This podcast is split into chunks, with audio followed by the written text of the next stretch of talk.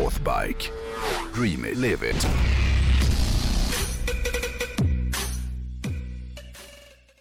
För någon vecka sedan så levererades en hoj till Northbikes båda butiker som jag vet att många har gått och längtat efter och, och får ta en närmare titt på och det är ju då Harley Davidsons nya Sportster S. Ah. Eh, och det här är ju den andra modellen eh, som på ganska kort tid som Harley Davidson har, har, har släppt som också har ett jag tycker den har ett väldigt tydligt, den, den på något sätt väldigt tydligt visar att HD nu verkligen är inne i en ny era Ah. i företagets snart 120-åriga historia. För jag tycker både att Panamerican och nu den nya Sportsten, det är två hojar som rent visuellt, stilmässigt och även tekniskt skvallrar lite om hur framtiden för Harley Davidson kommer att se ut. And I like it. Ah. Och just den här veckan så tänkte jag eh, lite som en hyllning till nya sportsracen faktiskt grotta ner mig i modellens historia. För jag älskar Sportsten. Ja, du har ju haft eh, två va? Ja, till att börja med så är det så att det här eh, det är faktiskt den hojmodellen som är äldst i världen. Det finns inget annat märke som har en modell som har hängt med lika länge som Sportsten har gjort. För den föddes faktiskt redan 1957 och har varit en del av HDs ryggrad i snart 65 år. Det var Sportsten. lite oväntat. Ja, och, och Visst har vi pratat om det förut att nya Sportster S har, eh, känns väldigt Buell. det vet jag inte om jag har gjort, men, men det, ja, Den är k- väldigt kompakt. ja, den är pitbullig. Ja, pitbullig är den. Mm. Men eh, Sportster-modellen, den gamla Sportstern, det är inte bara världens äldsta modell, det är faktiskt samtidigt en av världens mest omtyckta modeller, skulle jag nog ändå våga påstå. Även om det kanske fortfarande finns en del trötta gubbar som hävdar att det här är en tjej-HD. Men folk som tycker det brukar ju nio fall av tio, det brukar vara personer som du vet kliar sig i röven och sen kan de inte låta bli att lukta på fingrarna efteråt. Så det är inte liksom någon, den typen av åsikter som man behöver bry sig i så mycket. Jo, men det, det ligger ju någonting i det. Därför att en Sportster, jag fattar att du gillar Sportster. Det, det är för att du är kort. Ja, jag, eller kan snarare inte- säga, jag fattar att åka- du inte gillar sporten för att du är ob- obis och lång. Nej men du är för lång.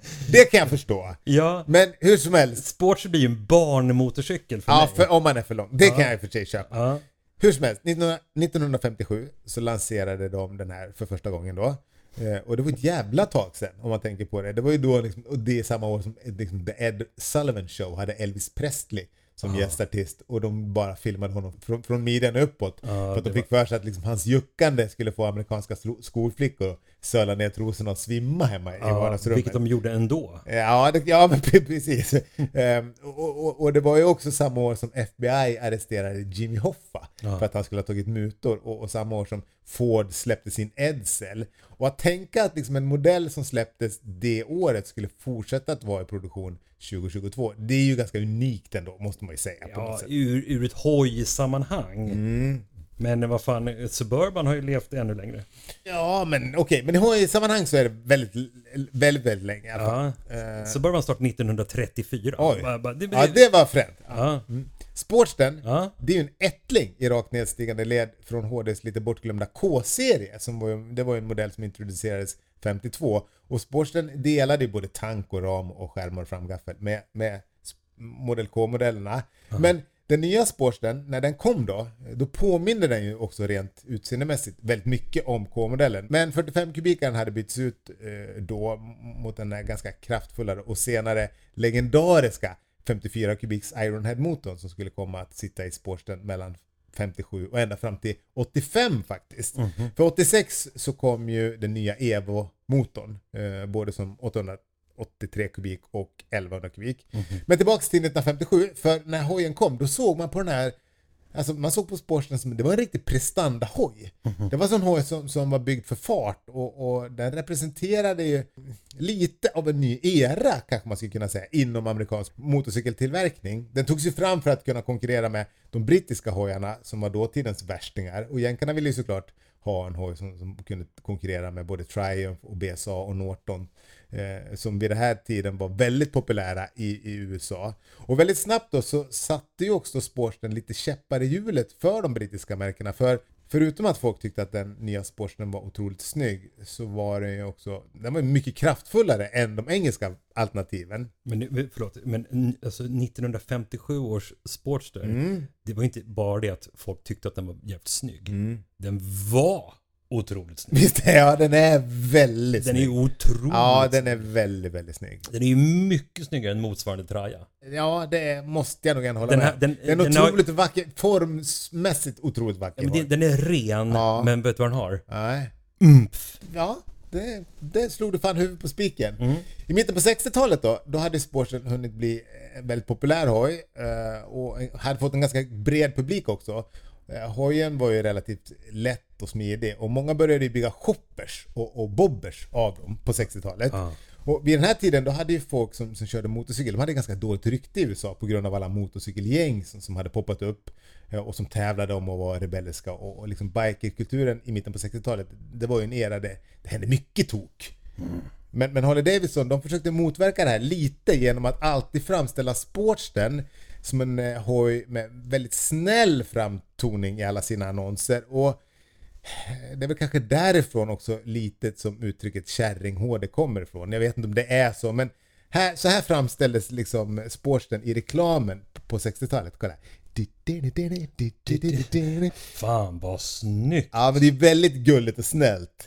Så här. Ja, det är ju inte Rebel without a cause. Nej, utan det är liksom mer kärlek och en farbror som sitter med rak rygg. Men han och- kör ju i havet. Ja, snyggt. ja, han kör ja. Jag nämnde ju tidigare att det finns ett fåtal efterblivna idioter som envisas med att kalla sporten för tjej-HD. Jag säger inte att du är en av dem, men, eller nybörjar-HD. Men frågan är om det är sant, för det känns inte riktigt som att folk gör det längre. Men, Eller? ja, kanske då. Eh, Det är väl en term som har använts genom åren hur som helst. Eh, Framförallt av Big Twin-gubbar, och så du då för, förstås. Det är oftast folk som inte har hoj, men som vill ha hoj.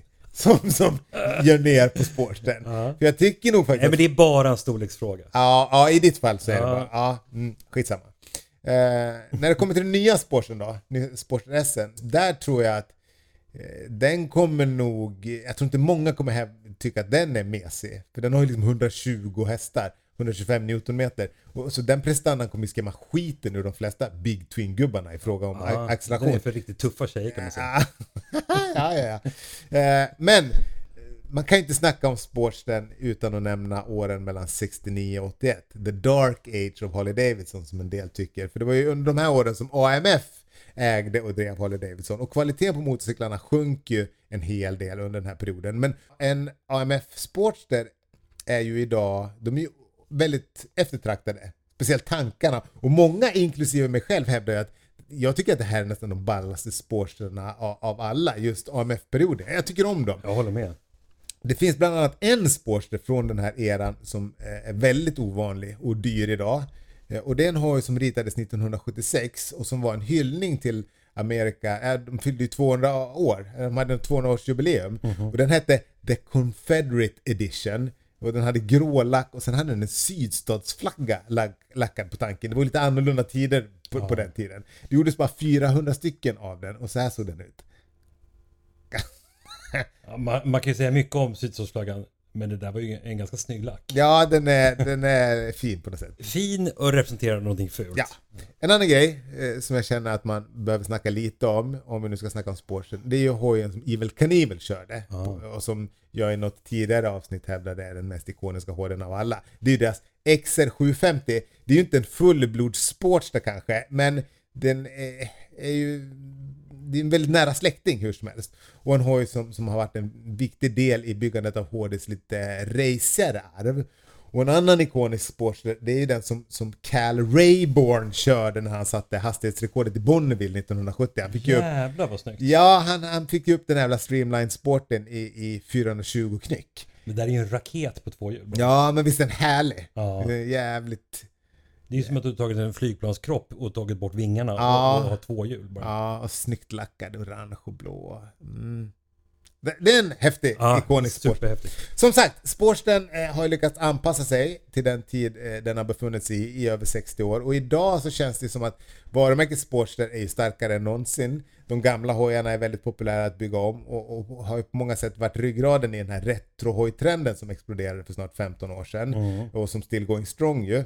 Eh, är ju otroligt enkel att bygga om eh, till något balt. Och när jag byggde om min första Sportster 2007 tror jag det var, då, då slog sig över hur lite jobb man faktiskt behövde lägga ner på liksom, om man ville förvandla en ganska alldaglig hoj till något jävligt fränt. Det enda man egentligen behöver göra är att byta tank och avgasrör, skärmar och styre och plötsligt har man en hoj som är jävligt punkig på något sätt. Jag hittade en bild som beskriver det här jävligt bra. Kolla här vilken grym Sportster. Den här stilen är fortfarande så jävla Ja, ja, snygg hjälm jag också. blir sugen lite på att bygga en sån här. Nu när jag har kort.